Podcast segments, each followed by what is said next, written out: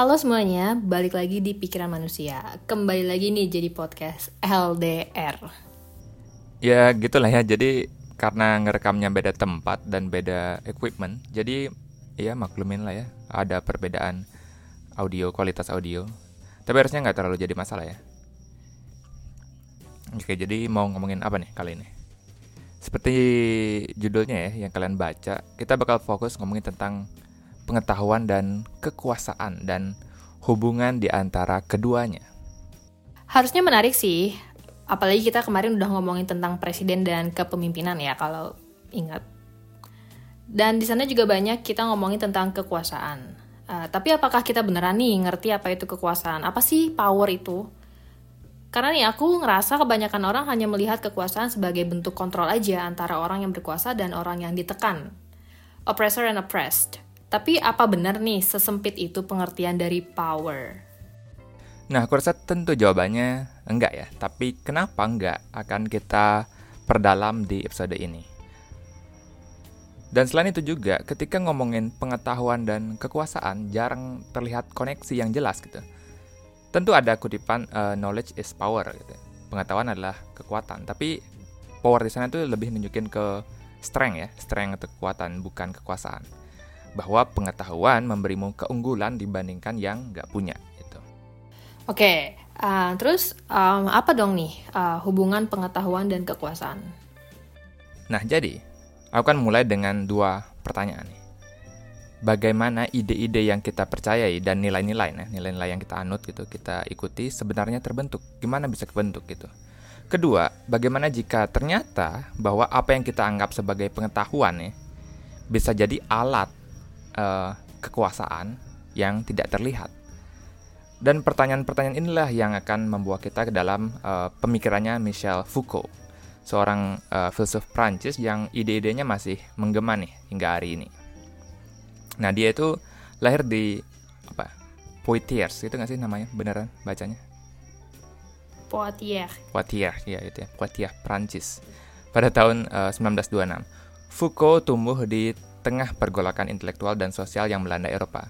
Kehidupan dan karyanya bukan cuma menarik nih, tapi juga memberikan wawasan mendalam tentang bagaimana kita gitu ya sebagai masyarakat memahami dan mengatur diri kita sendiri. Oke, jadi uh, kali ini kita akan menyelami pikirannya Foucault berarti ini ya.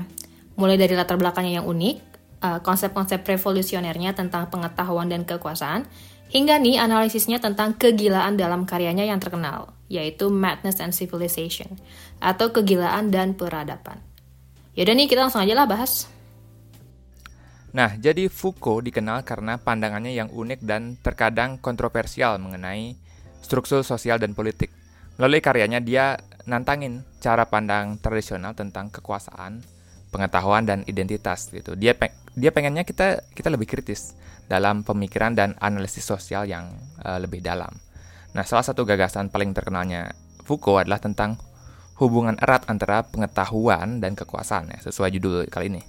Menurutnya, pengetahuan tidak hanya berkaitan dengan fakta informasi gitu, bukan cuma menjelaskan atau mendeskripsikan dunia, lebih dari itu sebenarnya pengetahuan itu adalah tentang cara kita mengatur gitu ya, mengklasifikasi dan mengontrol informasi tersebut.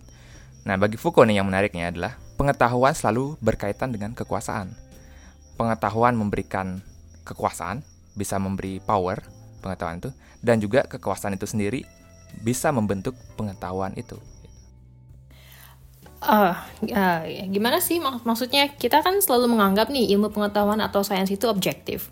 Karena sifatnya yang objektif, maka ilmu pengetahuan berlaku ke semua orang tanpa terkecuali dong.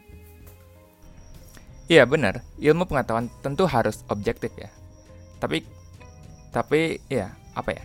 Kenapa suatu riset itu dilakukan, disponsori oleh siapa? Hal-hal apa yang bisa dilakukan ketika pengetahuan itu didapatkan kan nggak selalu objektif gitu. Ada kepentingan di sana. Kenapa uh, riset atau pengetahuan itu dicari? Maka dari itu dalam pandangan Foucault, pengetahuan mungkin objek ya, tapi tidak tidaklah netral pengetahuan itu. Oh, berarti maksudnya itu bukan masalah objektif dan subjektif ya, tapi netral dan tidak netral. Dan tentu maksudnya Foucault adalah pengetahuan itu tidak netral dan cenderung berpihak pada penguasa. Ya, ya bukan tuh kayak gitu nggak? Benar, Foucault berpendapat bahwa apa yang kita anggap sebagai pengetahuan sering kali merupakan refleksi dari kepentingan-kepentingan kekuasaan tertentu. Pengetahuan dalam konteks ini menjadi alat yang digunakan oleh mereka yang berkuasa untuk mempertahankan dan memperkuat posisi mereka. Kayak sistem pendidikan, misalnya media, kayak TV atau apalah radio. Bahkan institusi ilmiah, semua berperan dalam memproduksi dan menyebarkan bentuk-bentuk pengetahuan yang mendukung uh, struktur dari kekuasaan yang sekarang sedang berjalan gitu. Oh, jadi ya kayak sistem pendidikan, kita dididik untuk disiplin tepat waktu, bangun pagi ya kayak gitu-gitulah ya. Ya karena itu memang yang diharapkan oleh perusahaan-perusahaan. Ini bukan berarti aku anti disiplin dan bangun pagi ya, aku tuh bangun pagi terus tahu. Tapi memang wajar aja nih kita diharapkan punya karakteristik kayak gitu di masyarakat kapitalisme ini. Nah itu salah satu contoh ketidaknetralannya. Gitu. Dan Foucault menolak ide tentang kebenaran yang universal dan tidak berubah. Menurutnya apa yang kita anggap kebenaran itu sangat bergantung pada konteks historis dan sosial di mana kebenaran gitu tanda petik ya itu muncul. Foucault menunjukkan gimana apa ya kebenaran sering kali dibentuk oleh aturan dan norma-norma yang berlaku oleh kekuasaan yang yang sedang dominan. Ini membuat kita mempertanyakan apa yang ap, apa ya apa yang kita percaya itu sebagai fakta dan realitas itu beneran nggak sih? Apakah fakta dan realitas ini memang mewakili dunia luar, dunia luar, sorry, atau sesuatu yang dibentuk oleh kekuasaan itu. Hmm, iya sih ya. Apalagi contoh lain yang Foucault sebut adalah tentang bagaimana institusi seperti rumah sakit. Di sana, pengetahuan tentang tubuh dan kesehatan tuh nggak hanya digunakan untuk menyembuhkan, tapi juga untuk mengklasifikasikan, mengatur, dan dalam beberapa kasus mengendalikan individu malah. Nah, itu. Mumpung kamu bahas tentang rumah sakit nih dan penyakit ya. Dalam karyanya yang revolusioner itu ya, Madness and Civilization, uh, Michel Foucault mengeksplorasi sejarah kegilaan dari zaman pertengahan hingga ke uh, abad 19. Buku ini bukan hanya sekedar tentang sejarah apa ya, kegilaan atau orang apa ODGJ, tetapi lebih merupakan analisis tentang bagaimana masyarakat melalui berbagai institusi mendefinisikan dan mengelola apa yang dianggap sebagai kegilaan. Oh, jadi Foucault menantang kita sebagai pembaca untuk memikirkan ulang nih tentang bagaimana konsep normal dan gila dibentuk dan bagaimana ini tuh saling berkaitan dengan kekuasaan dan pengetahuan. Benar. Madness and Civilization mengungkap bagaimana kegilaan dulu dipandang sebagai apa ya bagian dari spektrum pengalaman manusia yang apa yang luas gitu. Namun awalnya ya yang pas dari zaman uh, pertengahan gitu ya. Namun lama kelamaan terutama pada abad pencerahan ya Renaissance kegilaan mulai dilihat sebagai sesuatu yang harus dikendalikan gitu, dikelola dan diobati.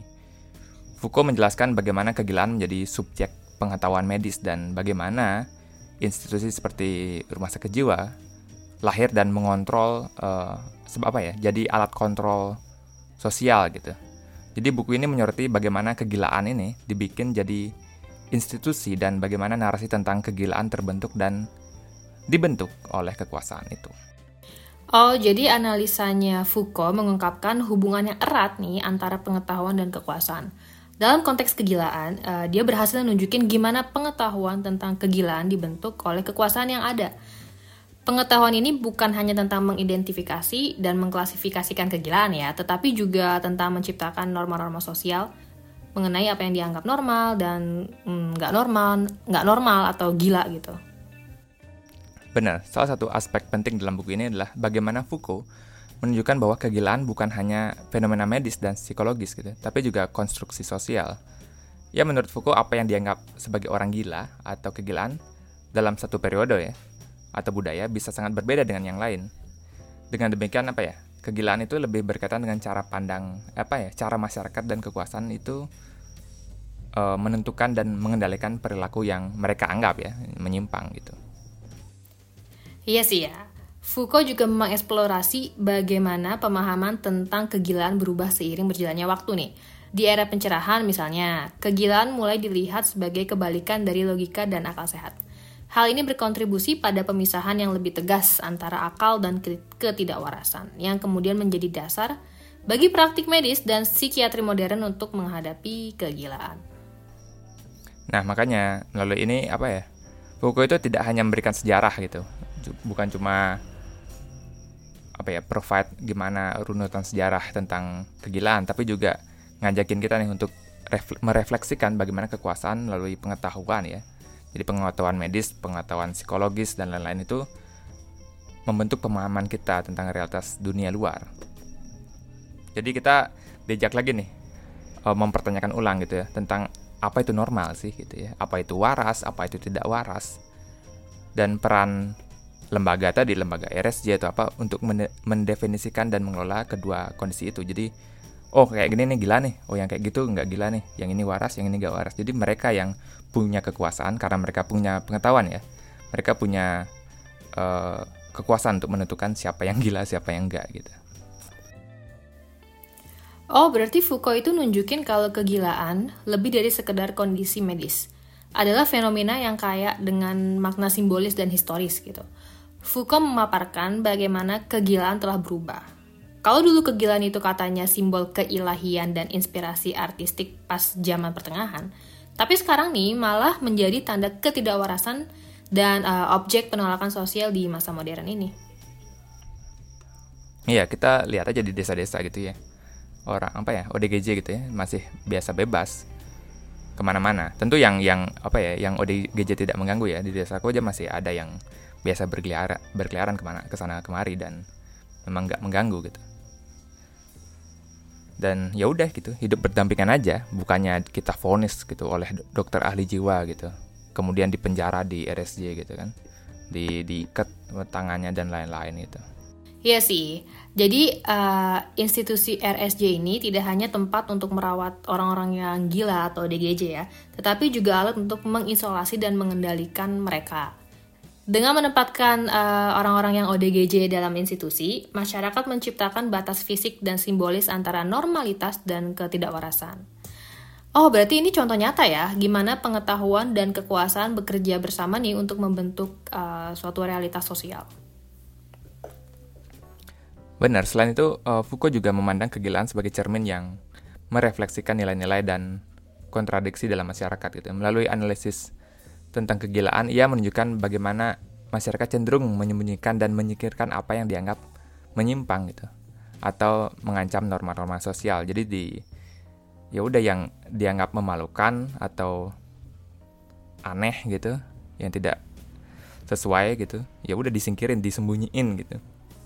Jadi ditaruh makanya diisolasi ditaruh di RSJ jadi mereka malu aib gitu harusnya sebenarnya enggak kita embrace saja harusnya kan jadi ini membuka wawasan kita tentang bagaimana kita sebagai masyarakat berinteraksi dan apa ya merespon terhadap apa yang dianggap berbeda dan mengancam. Jadi kayak apa ya? Mungkin kayak nyapu, tapi kamu nggak buang uh, uh, debunya, kamu masukin kolong aja gitu, tidak menyembunyikan tapi nggak nggak memberesin masalahnya gitu. Jadi analisis Foucault ini tentang kegilaan uh, tidak hanya penting gitu ya secara historis tapi juga sangat masih relevan dengan isu-isu sekarang pemahamannya tentang bagaimana kegilaan itu di apa ya konstruksi sosial dapat diterapkan untuk isu-isu sekarang gitu. Ini bisa apa ya membantu kita memahami bagaimana kekuasaan dan pengetahuan itu apa ya selalu gitu ya uh, mendefinisikan normal apa itu normal dan lain-lainnya.